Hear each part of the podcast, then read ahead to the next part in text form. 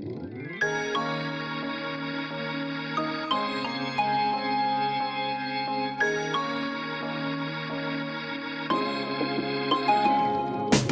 semuanya, selamat datang di Studio Arsitektur Podcast bersama gue Rezi Anda sebagai host kalian hari ini. Sejauh ini kita udah bahas tentang daily life mahasiswa arsitektur, tentang suka dukanya jadi mahasiswa arsitektur, sampai bahkan di episode yang lalu kita udah ngebahas lumayan detail tentang gimana cara nyari inspirasi desain dan tahapan-tahapan yang kita harus tahu untuk ngedesain di dunia arsitektur. Nah, kali ini kita mau bahas sedikit yang berbeda nih. Mungkin agak keluar dari dunia perkuliahan sedikit, yaitu tentang magang. Yang kita umumnya tahu, magang itu kan kayak transisi dari dunia pendidikan ke dunia pekerjaan. Dan kalau kita sebagai mahasiswa di kuliahnya udah sibuk, apalagi di dunia kerja, gitu kan. Atau mungkin malah ternyata lebih santai. Nah, hari ini kita sudah hadir dua narasumber kece-kece banget nih yang bakal sharing tentang pengalaman magang, khususnya di jurusan arsitektur BINUS ini. Nah, kita di sini ada narasumber pertama, ada Aya. Halo Aya. Halo Rezi. Halo, uh, gimana kabarnya? Alhamdulillah baik. Baik ya. Uh, boleh perkenalankan diri dulu kali?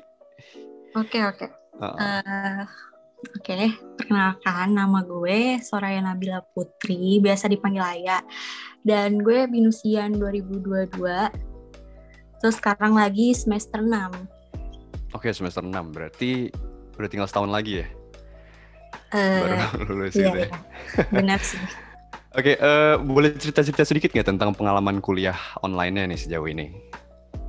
Sejauh ini gue cukup fine-fine aja sih sama uh, perkuliahan on online. Tapi sekarang gue udah lepas dari perkuliahan online karena gue lagi magang.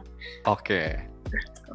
Mungkin pengalaman magangnya berarti gimana tuh sekarang? Uh, mungkin kayak suasana hati yang lagi dirasain sekarang nih gimana nih? Karena uh, segalanya dilakuin secara online. Hmm, kebetulan sebenarnya magang gue itu uh, full WFO. Cuman okay. karena lagi corona lagi di gelombang dua lagi di gelombang dua ya lagi ningkat-ningkatnya banget hmm. jadi kayak shifting gitu sekarang WFH dan WFO okay. tapi uh, udah sekarang udah empat bulanan gue WFO full dan itu udah jadi pengalaman yang cukup menyenangkan sih bagi gue karena gue magang di salah satu konsultan arsitek di Bintaro hmm. dan kan pas awal masuk emang peraturannya udah full WFO. Jadi gue bisa ngerasain uh, pengalaman magang gue itu secara langsung. Dan jujur itu gue beruntung banget sih. Apalagi di masa pandemi kayak gini kan. Dan hmm. so far selama magang periode ini untuk pertama kalinya gue banyak banget belajar. Lalu kemampuan gue berinter berinteraksi sosial karena kan gue selama pandemi itu kuliah online kayaknya gue jarang keluar rumah terus paling gimana sih mantengin zoom doang gitu betul, betul. Iya dan ini pertama kalinya gue agak interaksi sosial sama orang baru hmm. di lingkungan kerja yang pada awal-awalnya tuh gue awam banget. Terus juga uh, karena ini masuknya ke lingkup yang lebih profesional jadi gue ngerasain banget yang namanya gue ada komitmen gitu sama kerjaan. Terus kayak punya wow. tanggung jawab yang beda banget dari sebelumnya. Kayak nugas kampus organisasi pokoknya beda deh tanggung jawabnya. Dan yang terakhir uh, gue beruntung juga sih bisa nge ngerasain uh, orang-orang di sana gimana personalitinya terus kerja sama tim secara langsung di kantor gitu sih Oke, okay, oke, okay, thank you udah sharing ya. Iya. Karena iya benar-benar kerasa banget sih berarti ya perbedaan dunia kuliah sama kerja di uh, ya sekarang-sekarang ini lah ya. Beda banget. Oke, okay, kita sekarang mau uh, nge-greet narasumber kedua kita nih ada Harits. Halo Harits. Halo, halo Zi. Halo Harits, gimana halo, kabarnya? Saya Alhamdulillah baik. Lo sendiri gimana? Uh, gue sih baik sih, cuman ya lagi, ya karena gue masih semester 4 jadi cukup berat. Semangat. Oh, berat. Malah berat sih, kalau yang gue rasain sih. Uh, uh, kira-kira uh, oh. apa ya Rich? Uh, mungkin boleh perkenalkan diri dulu kali Rich. Oke baik. Oke perkenalkan nama gue Muhammad Harits, biasa dipanggil Harits. Uh, saat ini gue lagi semester 8. Oh, semester 8 nih. gue binusian 2021. Oke Rich. Kalau lu pengalaman magangnya gimana nih kira-kira? Mungkin ya berarti ceritain kayak Ayah juga ya kayak apa sih yang oh, lagi lo alamin uh, sekarang gitu? sebetulnya kan gue udah nggak magang lagi ya. Oh udah nggak magang lagi ya? Gue tuh magang terakhir di iya kan gue udah udah masuk ke semester 8 berarti ya kurang lebih enam bulan yang lalu lah gue. Oke. Okay.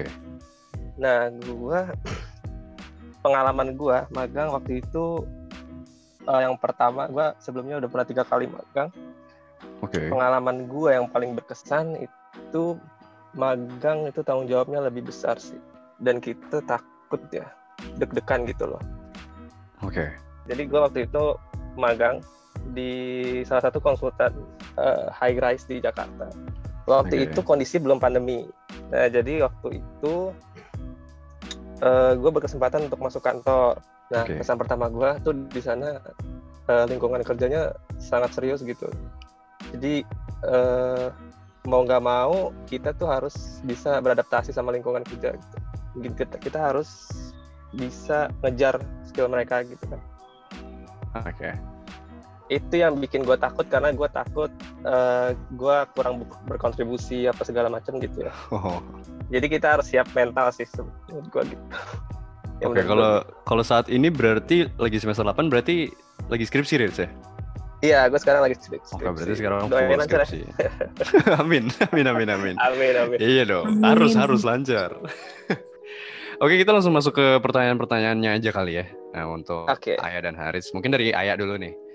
Uh, kalau tadi kan Haris mungkin udah sharing sedikit sih ya tentang uh, sebelum mulai magang, uh, gimana sih tanggung jawab yang harus dipegang uh, gitu ya. Mungkin kalau Ayah bisa sharing nggak, uh, apa sih bayangan atau harapan Ayah uh, pas lagi proses magang? Kalau menurut gue yang lebih uh, kebayangan tuh sebelum sih. Oke, okay, boleh deh kalau gitu. Berarti sebelum sebelum magang gitu ya? Apa iya, yang diharapin? Oke. Okay. Boleh. Jadi ekspektasi gue pas sebelum magang dan posisinya udah keterima sih, tapi belum masuk kantor itu cukup skeptikal gitu karena gue tuh udah kemakan omongan orang gitu kalau lingkungan kerja arsitek tuh agak keras serius kayak yang Kak Harits itu. Terus takutnya apalagi gue apply anak magang takutnya disepelein gitu. Okay. jadi makanya gue agak ragu-ragu gitu pas awal-awal sama deg-deg deg-degan terus takut juga. Terus apalagi pada saat itu biasanya uh, di infoloker magang udah ada syarat-syarat excellence atau misalnya lo harus menguasai sesuatu gitu hmm. dan pada saat itu jujur pengalaman hard skill sama soft skill gue juga ya nggak terlalu jago-jago banget makanya tuh pas gue keterima gue agak bingung sih apakah nanti bakal ada bimbingan atau gue dibiarin belajar sendiri nah dari situ gue langsung overthinking lah apa gue harus gue okay. terus mempertanyakan gitu tapi uh. nyatanya semua itu uh, sebenarnya lo intinya paham basicnya aja karena nanti lo bakal ikut sama workflow dari lingkungan kerja lo sih gitu kira-kira Oke, okay. kalau kalau lo Rich gimana? Mungkin lo mau sharing lebih detail lagi tentang uh, harapan lo sebelum mulai magang. Harapan sebelum mulai magang.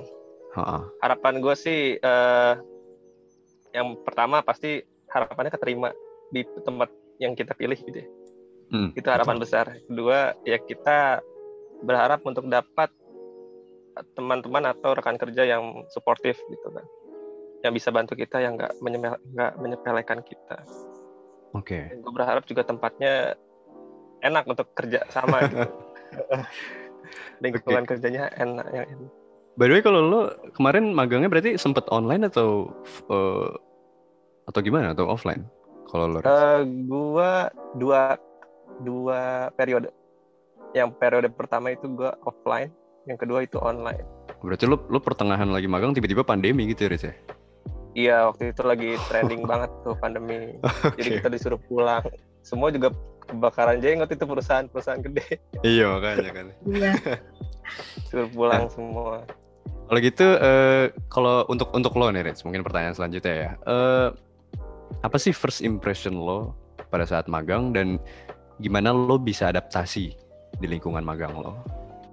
Eh, ini secara keseluruhan ya. Hmm. dari tiga tempat magang nih first impression gue yang tadi eh, kita kaget karena workflow-nya mereka kan beda ya. Cara kerjanya mereka cepet banget gitu loh. Yang kita harus coba beradaptasi. Itu pesan eh, kesan pertama gue nah terus cara berada- beradaptasi ya pertama kita harus kosongin kelas kita dulu ya kita harus eh, terbuka sama masukan dan kita harus juga banyak tanya gitu banyak inisiatif cari tahu Hmm, Nah, oke. kalau udah banyak tanya gitu kan pasti nanti jadi ngobrol gitu kan. Kalau udah ngobrol, kadang istirahat diajak, makan bareng, sholat bareng gitu kan. Jadi akrab. Nah, nanti Oke. kalau udah dari situ kita mau tanya-tanya tuh enak, nggak ada batasan gitu, nggak ada apa, nggak ada batasan status gitu kan. Jadi ya enak. Mungkin itu sih. Oke, kalau kalau Ayah gimana nih ya? Eh, kesan pertama lo pada saat magang dan cara adaptasi lo, mungkin boleh sharing.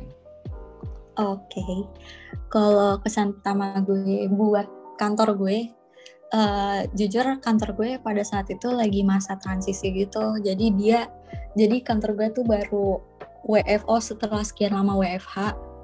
Jadi orang-orangnya baru gitu, banyak banget yang baru. Oke. Jadi eh, kesannya tuh masih kaku banget kantornya kayak kayak kantor baru.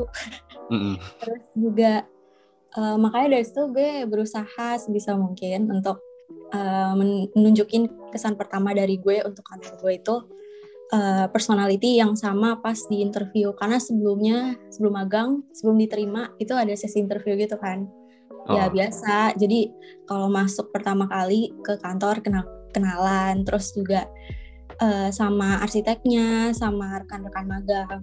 Terus untungnya kebetulan dulu ada temen gue dua orang yang emang udah masuk seminggu duluan dibanding gue. Jadi gue kayak alhamdulillah ada temennya gitu. Oke. dan biasalah pertama kali itu masih clueless banget. Masih bingung mau ngapain tapi ujung-ujungnya tetap dikasih job desk. Dan kalau masalah adaptasi sebenarnya eh, lumayan cepat karena posisinya banyak rekan magang yang masih baru terus sama junior arsitek itu masih pada baru masuk. Jadi adaptasinya adaptasinya itu di kantor nggak sendirian. Jadi bareng-bareng gitu. Hmm, karena sekian lama kerja ternyata lingkungan kerja di kantor gue itu cukup lumayan fleksibel. Nggak ada boundaries se- senioritas atau junior gitu. Jadi nggak ada paling tetap tetap ada sih sopan santun lah istilahnya pasti. iya Oke. terus kalau dari segi waktu eh, itu kan lumayan ya sekitar 8 7 sampai 8 jam waktu kerja Oh, oke. itu awal-awal tuh kayak full banget aku ngerasa kayak full banget sampai zo- sampai sore terus sampai akhirnya lama-lama karena udah uh, deket juga sama orang-orang kantor terus juga uh, udah punya temen gitu istilahnya. Jadi udah betah lama-lama di kantor buat ngobrol-ngobrol atau kalau misalnya mau lembur bareng gitu. Gitu sih. Balik Oke. lagi ke kitanya kah kalau misalnya mau adaptasi di lingkungan baru mau nerima atau enggak atau kitanya mau dibiasain atau enggak gitu. Oke, berarti perjalanannya cukup apa cukup enak ya? Berarti udah ada temen terus habis itu kantornya kebetulan berarti nggak cuma Ayah doang yang baru gitu ya. Emang iya sebenarnya jadi kantornya secara keseluruhan baru gitu ya. Kepas yang eh, sebenarnya kantornya kantornya udah lama cuman eh, pegawainya mungkin baru di hire gitu jadi Oh, Iya, iya jadi jadi masih kerasa vibes kantor baru gitu lah ya. iya Oke. Eh, kalau itu mau nanya lagi nih selanjutnya eh, tentang eh, tentu kan kita magang nih kita sebagai mahasiswa arsitektur gitu ya, mahasiswa di BINUS. Kira-kira pekerjaan apa aja sih yang dilakukan sebagai mahasiswa magang di perusahaan? Untuk Ayah dulu berarti. Em, kalau dari segi pekerjaan sebenarnya tuh sama aja sih kayak stupa atau tekbang cuma versi lebih pendek aja sih waktu pengerjaannya Oh, terus juga ya tergantung pekerjaannya sih maksudnya tuh kadang kerjaan di kantor gue yang dikasih tuh cuman side job atau pekerjaan yang belum selesai dari supervisor yang gue bantuin Oke. karena kan gue dipegang sama supervisor yang notabene gue bantuin arsitek di situ gitu Oke, jadi oke. awal-awalnya sih dikasihnya cuman dikit untuk sekadar exercise dulu exercise. Oke. kayak cari referensi terus buat layout panel di InDesign terus revisi bentuk untuk bangunan render Oke. terus nyusun material board dan lain-lain makanya di situ tuh kalau pas pertama-tama lo harus ada momentumnya buat lo gain uh, her or his trust lo harus uh, raih kepercayaan supervisor lo gitu karena Oke. uh, gue berusaha buat uh, ngemban tugas dengan baik gitu. Gue punya, gue mampu ngerjain tugas dengan baik dan bertanggung jawab. Nah itu lo harus buat supervisor lo percaya sama usaha lo, meskipun banyak yang salah, is okay. Nah dari kesalahan itu gue banyak banget belajar. Terus Hmm. juga beliau banyak kasih ilmu dan alhamdulillah banget didampingin sama uh, supervisor yang gak pelit ilmu. Jadi Oke. Uh, sekarang dia ngasih tugas yang emang sekarang udah mulai cukup berkembang gitu. Di mana gue ikut andil dalam desain. Sekarang gue dikasih kesempatan buat desain interior unit perumahan, terus desain special unit perumahan gitu, terus buat gambar detail kerja, buat DED dan lain-lain. Oke, oke. Terus proyeknya juga beragam sih. Kalau bisa, eh, kalau nanti lo magang, usahain seinisiatif mungkin dan secepat mungkin ngerjainnya supaya em, supaya apa ya? Karena di proyek-proyek itu tuh kita bakal dapet insight baru yang bermanfaat gitu. Jadi pekerjaan yang dida- didapat tuh jangan selalu lupa nanya, terus minta kritikan sama masukan gitu sih. Oke, berarti eh, bener-bener yang dikasih tuh apa job-jobnya cuma melengkapi job yang udah dikerjain sama atasannya gitu mungkin ya berarti. Iya, kalau gue sih gitu. Oke, iya tadi nangkepnya kayak stupa tech bang kirain bener-bener dari awal sampai akhir gitu. Tapi kayak Iya. berarti kayak cuma bener-bener rendering, cuma bener-bener eh, gambar kerja gitu-gitu doang lah. ya. Oke oke. Kalau dari Harits gimana Rits? Lu waktu zaman zaman magang ya? Ngapain aja Rits kira-kira? Iya sebenarnya gue detailnya udah agak udah agak pudar ya udah lupa. Tapi ya kurang lebih sama sih bener apa yang kata apa yang dibilang. Kurang lebih itu sama sama kerjaan apa di kampus gitu ya. Kayak kita produksi desain arsitektural tuh kurang lebih sama. Hmm. Cuman yang be- yang ngebedain itu eh, tadi ya tanggung jawabnya itu lebih besar karena ini status proyeknya tuh project real gitu. Jadi kita kadang harus lebih teliti gitu kan, harus eh, patuhi regulasi dan pedoman-pedoman arsitektural yang udah kita pelajari gitu ya. Terus sama kita juga harus kritis. Kayak tarikan Benar. garis itu. Tarikan garis itu kita benar-benar tanggung jawab gitu loh. Nanti ini ada dinding nih, ntar orang gimana nih? Kalau lewat sini jadi ke arahin ke sono jadi gimana? gitu. Iya, Jadi iya, harus betul lebih bener-bener- kritis. Bener-bener nggak boleh salah banget gitu ya. Karena ini project bener-bener ingin dibangun dan ingin dipakai. Iya betul. Gitu. Ya, kita harus benar-benar pikirin lah. Karena gue alhamdulillah waktu itu eh, pernah waktu magang tuh gue berdua dikasih satu project beneran full anak magang yang megang gitu. Jadi kalau ada salah tanggung jawab anak magang. Sampai digituin sama bosnya. Itu kalau project itu yang sal- ada salah salahin tuh anak magang dua anak magang itu. gue sampai digituin. Oh jadi kan gue harus wah benar-benar teliti gitu, benar-benar detail gini. Orang flow-nya ntar ke mana, tanggung jawabnya apa, nih cahayanya gimana gitu segala macam. Mungkin kalau misalnya bisa dinilai nih Rits, pengalaman magang lo nih. eh, mungkin lo bisa nilai itu tuh lo tuh dididik dengan keras atau mungkin ya yang nyaman atau gimana? Atau mungkin mood dari didikan lo waktu itu gimana Rits? Eh, gue waktu itu beda-beda. Jadi Heeh. jadi ini beragam sih memang sih, tergantung tempat kerja. Karena setiap Hmm. tempat kerja itu kan pasti punya yang tadi gue bilang ya workflow sama kebiasaan mereka tuh beda-beda gitu. Oke. Ada sih di satu tempat anak apa orang-orangnya tuh anak muda semua gitu. Kita enak ngerjainnya. Karena apa-apa bercanda, apa-apa semeringah gitu loh. Heeh. Jadi kayak masuk lah kotak. Nah kalau ada satu tempat, uh, ini gue tempat magang terakhir di Bandung, uh, apa-apa Beda langsung beda gitu, apa-apa banting. Kalau kalau kalau salah kertas robek masuk ke tong sampah. Iya iya iya. iya. Kayak gitu. Nah kadang ya itu di situ kita benar-benar harus adaptasi itu keras banget sih. Kadang kita ditempa di situ Iya, karena kita nggak adaptasi, nggak adaptasi. Iya. Ya, itu pengalaman menarik sih memang. Iya, kalau misalnya nggak ada pengalaman itu nggak bakal lo nggak bakal jadi siapa diri lo sekarang gitu lah ya harusnya. Iya betul. Oke, Rich. Oke, Rich, gue mau nanya lagi nih sedikit tentang tadi kan kayaknya lo cerita-cerita tentang ya pengalaman aja lah in general gitu ya.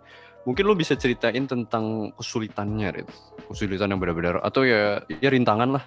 Rintangan lo dalam proses magang lo apa aja, Rich? Rintangan. Untuk Pertama kesulitan. rintangan itu eh, kita harus soft skill sih menurut gua. Soft skill tuh penting banget ya kalau terutama kalau WFO di kantor gitu ya. Kita ketemu Hmm. atasan, kita ketemu rekan partner kerja atau ya tem- bahkan teman kita sendiri. Soft soft skill tuh penting banget. Teamwork. Mungkin bisa dispesifikin, Rich, soft skill itu apa aja kira-kira yang dibutuhin untuk dunia magang? Menurut eh, yang dibutuhin ya. Ini pengalaman gua aja ya. Mm-mm. Yang paling penting itu pertama komunikasi. Ya, komunikasi. Kedua itu time management. Yang ketiga tuh teamwork. Kurang lebih tiga itu lu padukan deh gimana caranya.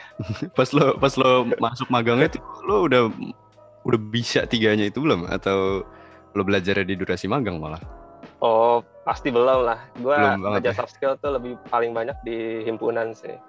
oh, oke Ya bersyukur gua masuk himpunan dan aktif. Ah, ah. juga.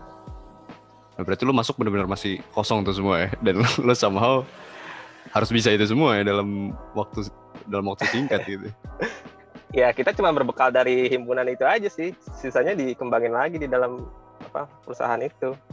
oke tapi berarti sempet ngalamin bad trip gitu nggak Rich? di Eh bad trip kekurangan gua pernah. gitu ah boleh ceritain nggak tuh kira-kira Eh, mungkin pengalaman ini ya pengalaman apa itu gue pernah disuruh ngerjain project sampai selesai.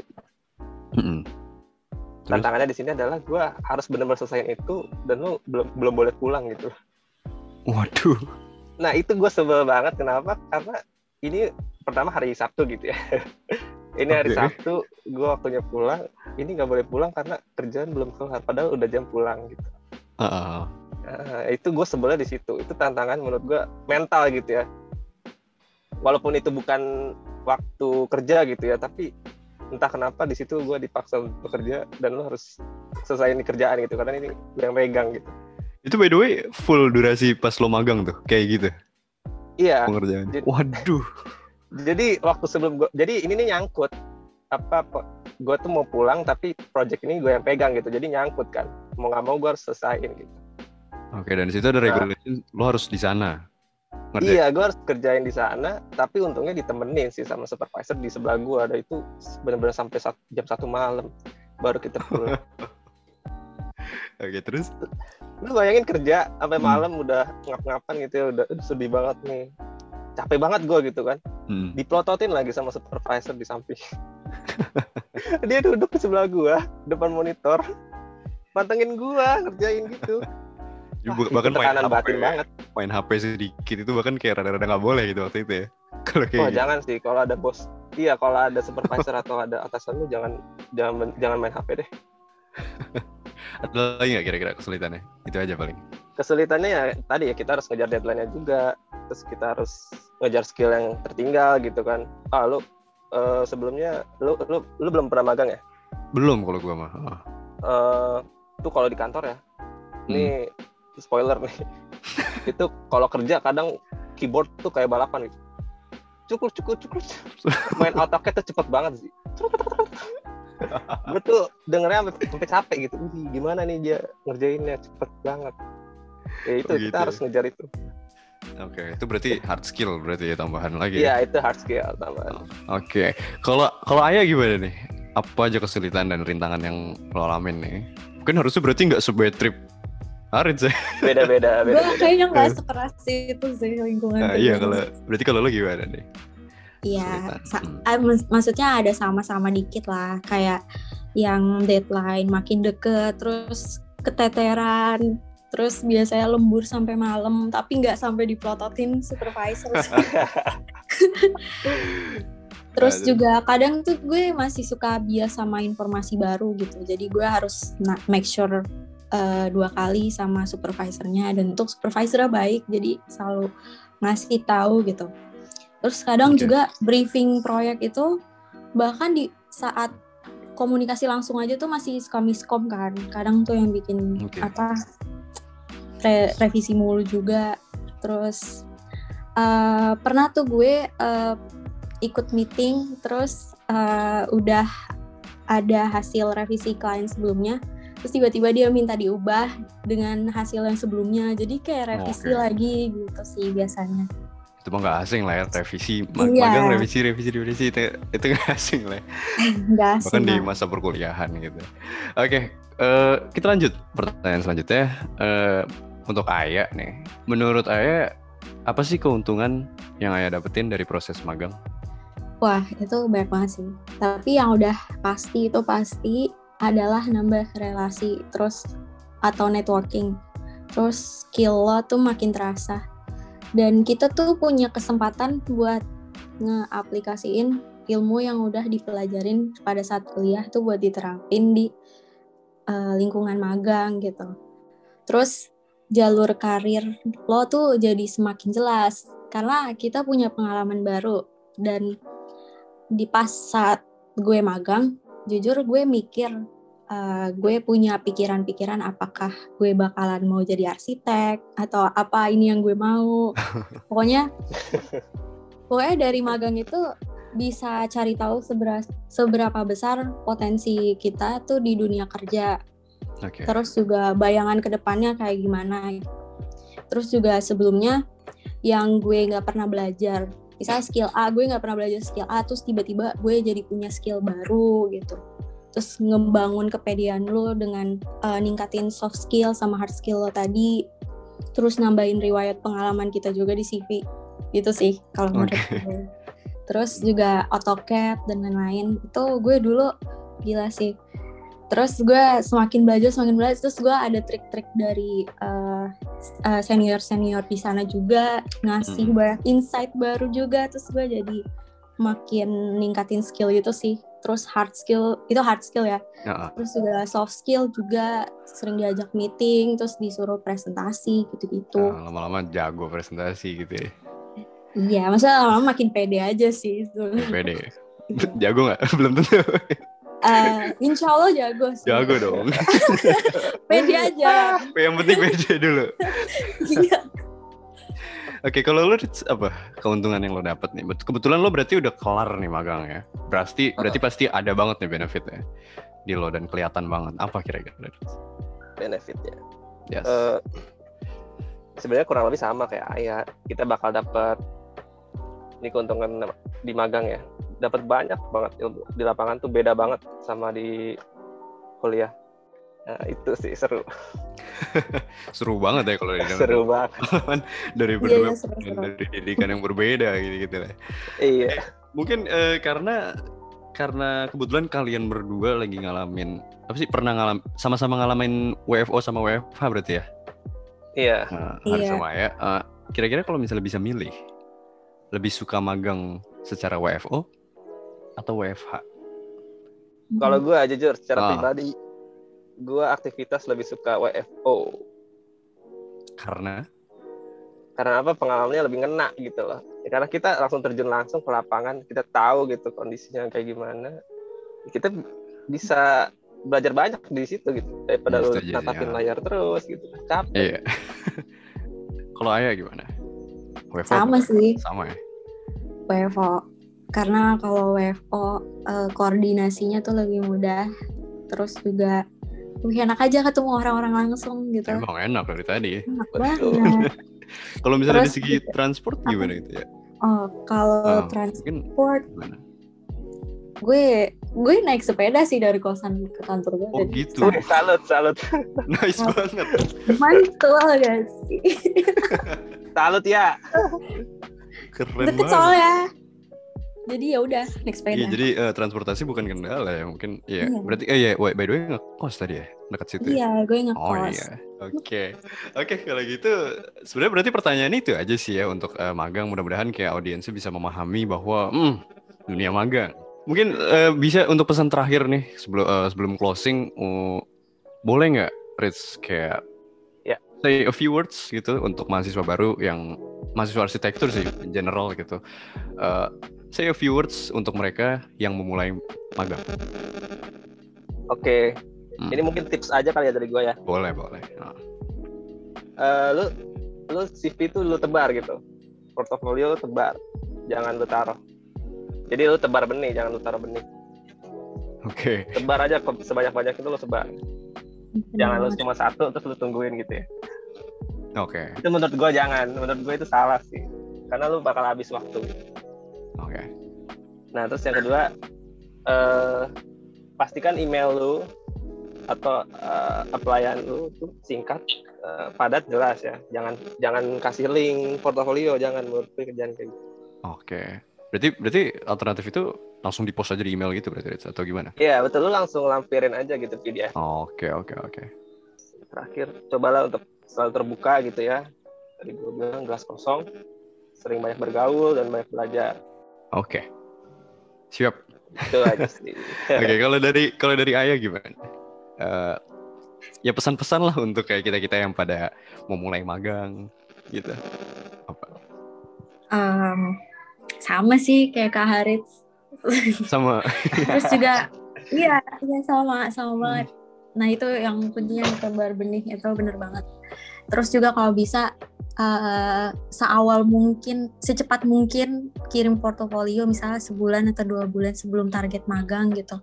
Soalnya gue waktu kemarin gue udah magang nih, tapi baru dibales gitu, kayak udah lama gitu. Jadi kalau bisa iya, bener banget.